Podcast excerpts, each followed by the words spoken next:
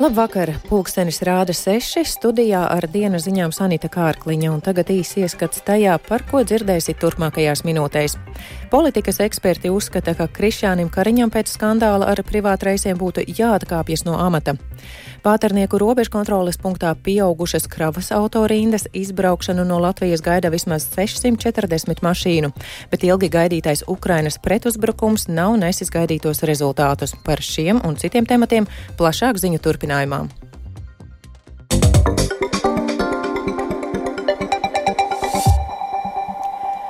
Ko par plašu rezonanci raisījušajiem Krišāņa Kariņa privātreisiem savas valdīšanas laikā saka tagadējās valdības veidotāji? Politikas eksperti uzskata, ka Kariņam būtu jāatkāpjas. Tā neuzskata viņa pārstāvētajā partijā vienotība, un arī pats tagadējais ārlietu ministrs no amata atkāpties negrasās. Par to vairāk Jāņa Kīņša sagatavotajā ierakstā. Lidojumu praksi izvērtē gan valsts kontrole, gan arī ģenerāla prokuratūra.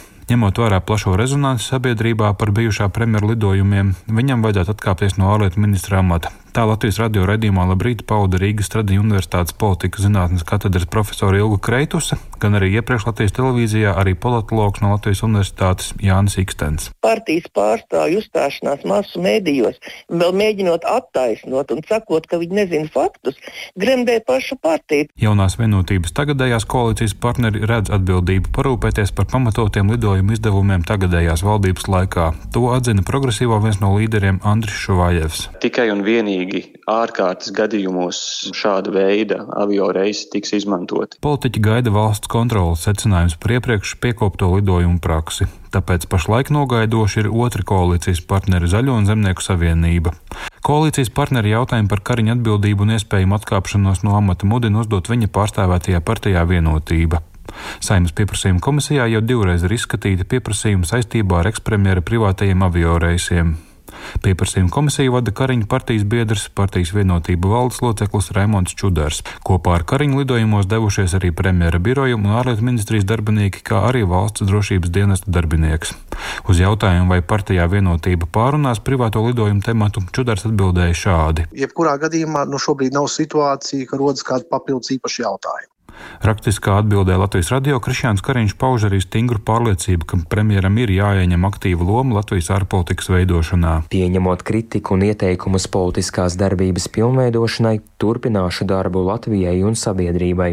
Neplānoju atkāpties no ārlietu ministra amata. Covid-19 pandēmijas un Krievijas iebrukuma Ukrainā dēļ bijuši būtiski avio satiksmes traucējumi un problēmas ar komercreisiem.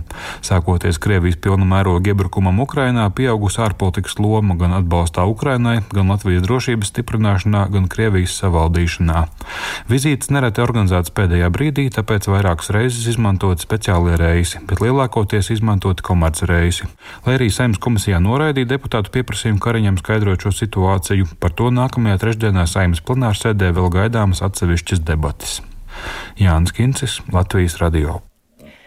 Pāternieku robežu kontroles punkts Krāslavas novada piedrojies pagastā pēc Sīlēnes robežu punkta slēgšanas, nu kļuvis par vienīgo, kurš čērsot Latvijas-Baltkrievijas robežu.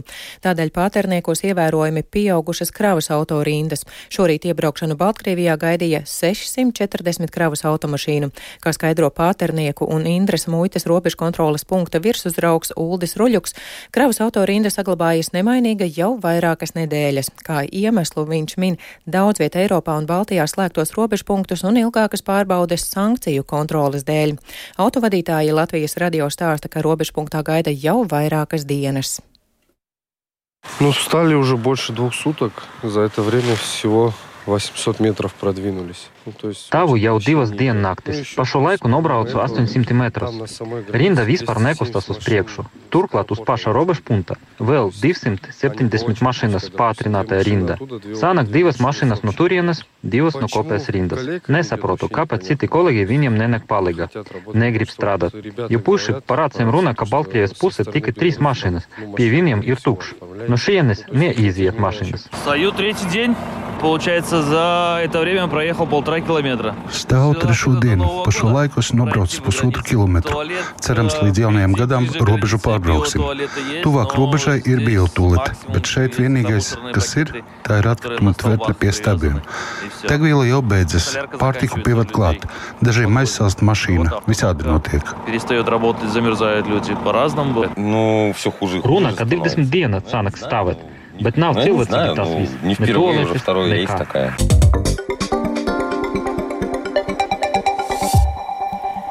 Ilgi gaidītais Ukrainas pretuzbrukums vasarā un rudenī tomēr nav nesis vēlamos rezultātus. Izrāvienu karā pret Krievijas armiju nav izdevies panākt. To atzinis Ukrainas prezidents Volodimirs Zelenskis.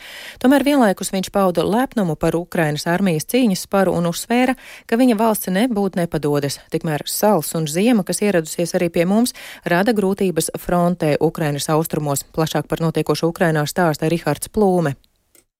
Cerības uz Ukrainas pretuzbrukumu tika liktas lielas, īpaši prātā paturot vēl pērn rudenī notikušo Hersonas un citu teritoriju atbrīvošanu. Tomēr salīdzinoši drīz jau varēja nojaust, ka pretuzbrukums nenorit kā iecerēts. Ukrainas prezidents Valdemirs Zelenskis tagad intervijā aģentūrai AP ir tieši atzinis, ka Ukraina ir vēlējusies ātrākus rezultātus pretuzbrukumā, un no šī viedokļa rezultāti nav sasniegti. Viņš arī norādīja, ka tiek zaudēti cilvēki un netiek saņemti visi nepieciešami nepieciešamie ieroči. Ar to viņš nesot apmierināts, taču atzina, ka nevarot arī pārāk sūdzēties. Vienlaikus viņš uzsvēra, ka Ukraina nebūtu nepadodas cīņā ar otro spēcīgāko armiju pasaulē, un dažu pēdējo mēnešu laikā ir sasniegti atsevišķi pozitīvi rezultāti. Ar to viņš esot apmierināts. Bet tagad izaicinājumus Ukrainas armijai rada ne tikai ierobežotais dzīvā spēka resursi un militārie resursi, bet arī laika apstākļi, un runa ir par ziemu. To norāda arī Zelenskis. Un tas novā fāze vīnī ir fakts. Mums ir jauna kara fāze. Tas ir fakts. Karš ir sarežģīts. Ziema kopumā ir jauna kara fāze. Es teiktu, ka ziemas karš notiek ne tikai frontes līnijā, bet arī pilsētās. Ne tikai na līnija fronte, ir serediņu mīsta. Lai gan vēl nav stabila un ļoti stingzinoša sala, sasalušās zemes dēļ ir grūtāk izveidot tranšejas. Arī karavīriem, lai pēc iespējas pilnvērtīgāk pildītu kaujas uzdevumus, protams, nepieciešams gan silts apģērbs, gan vietā, kur viņi uzturas, ir nepieciešams nodrošināt siltumu, lai karavīri nesaslimtu un neciestu no smagiem apsaldējumiem. Protams, karot ziemā šo apstākļu dēļ ir arī psiholoģiski grūtāk. Problēmu abās pusēs, proti gan Krievijas, gan Ukrainas armijai, rada grauzēji.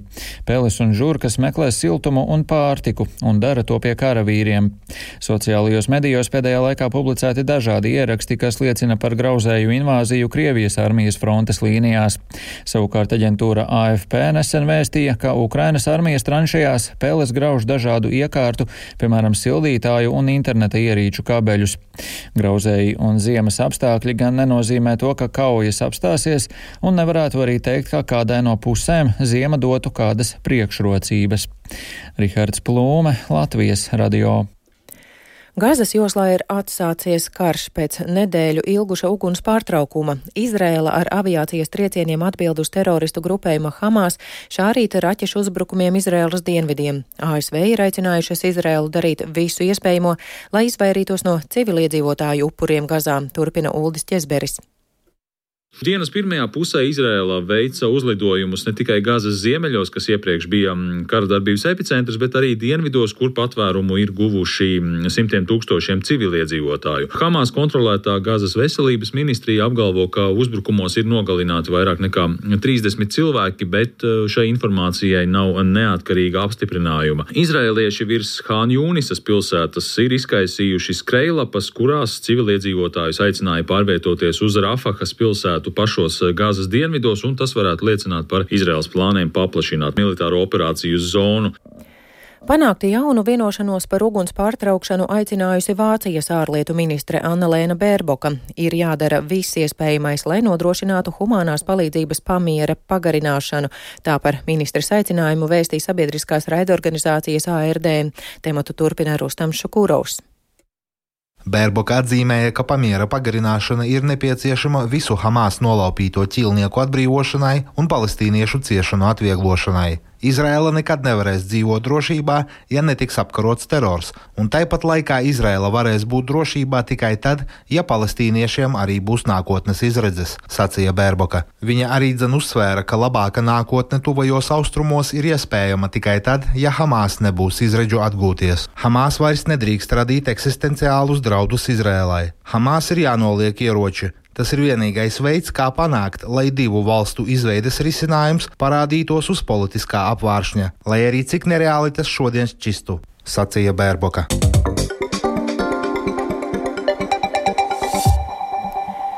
Lai arī paskatoties pa logu, ir skaidri redzams, ka bez ziemas riepām piedalīties satiksmē būtu tīrais neprāts, šodien CSDD reidā pārbaudīja, vai visi auto ir aprīkoti atbilstoši. Jāatgādina, ka tieši no šodienas, 1. decembra, ziemas riepas automobīļiem Latvijā ir obligātas. Ja to nav, spēkratam anulē tehnisko apskati vai pat noņem numuru uzlīmi, kas liedz transporta līdzeklim piedalīties satiksmē vispār. Cik apzinīgi šogad ir autovadītāji? Plašāk Viktora Demīdova reportāžām. Un pat mērot ārmulā nav 3,3. Automobīļu riepu protektoriem no šodienas ir jābūt vismaz 4 mm dziļiem. Ja mazāk, transporta līdzeklim anulē tehnisko apskati. Tas draud arī reidā noķertajam šoferim, kuram riepas ir jānomaina un mēneša laikā jāizbrauc uz ceļu satiksmes drošības direkcijas tehniskās apskates staciju. Vakar biju servisā, mainīju priekšējās riepas un paprasīju nomainīt pastīties aizmugurē. Un nezinājāt, ja jums ir plānā? Nē, es, viņš pamērīja 5,5, otrā pusē bija 6. Tāpēc es arī sapratu, ka uh, viss ir kārtībā. O, ok, jā, man ir riepas, viss ok. Neatbilstošas riepas konstatētas arī kādam citam spēkratam, kuram tehnisko apskati arī taisās anulēt. Ja iedu как раз на замену šim. Позвонили, потому что вчера... Es tieši tagad braucu mainīt riepas. Man piezvanīja. Burtiski vakar servisā piegādāja riepas no noliktavas. Zināt, kādas tagad ir rindas?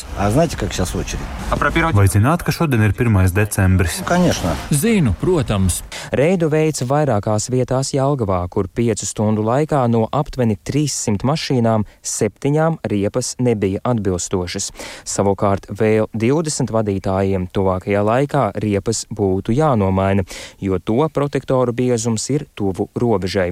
Tādas pārbaudes direkcija veids jau divas nedēļas. Secinājums situācija ir bēdīga, atzīst direkcijas pārstāvis Uldis Zandbergs. Vēl vakar bija kurzemē, saldu liepājā, vēl bija transporta līdzekļi, kur brauc ar vasaras riepām.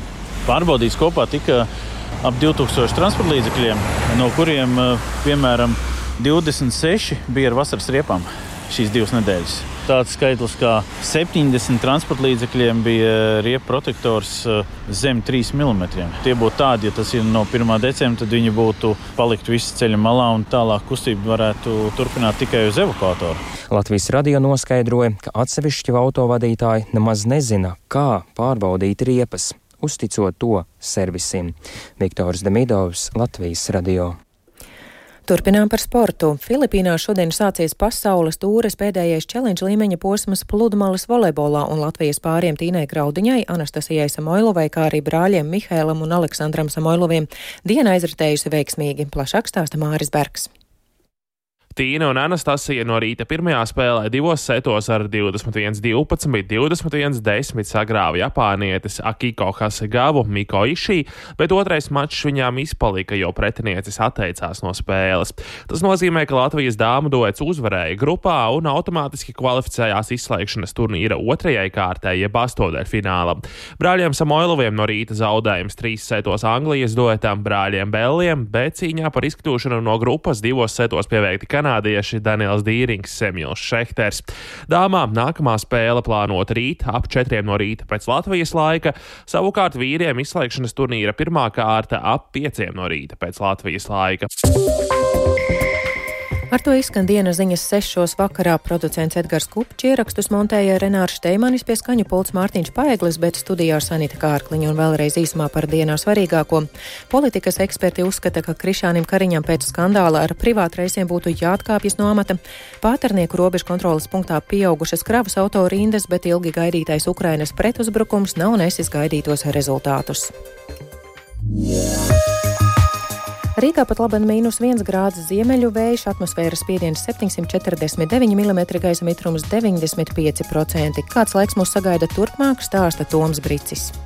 Brīvdienās plašas sniega mākoņu zonas mūsu reģionu neskars, bet virs Baltijas jūras veidosies lokāli sniega mākoņi, kas brīžiem skars piekrastes novadus, pārsvarā dienvidu kurzemes, Ventspils, Talsu un Tukumu novadu. Brīvdienās vējš būs lēns un mainīgi virzieni, tādēļ naktīs un no rītiem daudz viet veidosies migla un sārma. Lēnā vēja un maskustīgo mākoņu zonu dēļ palielināsies temperatūras kontrasti. Minimālā temperatūra brīvdienu naktīs lielākajā valsts daļā - mīnus 5, mīnus 13 grādu robežās, bet vietām vidzemē un latgalē debesīm skaidrojoties līdz minus 15, minus 20 grādiem. Dienās maksimālā temperatūra minus 4, minus 9 grādi, kur zemes piekrastē līdz nulei. Nākamās nedēļas pirmajā pusē sals pastiprināsies vēl vairāk.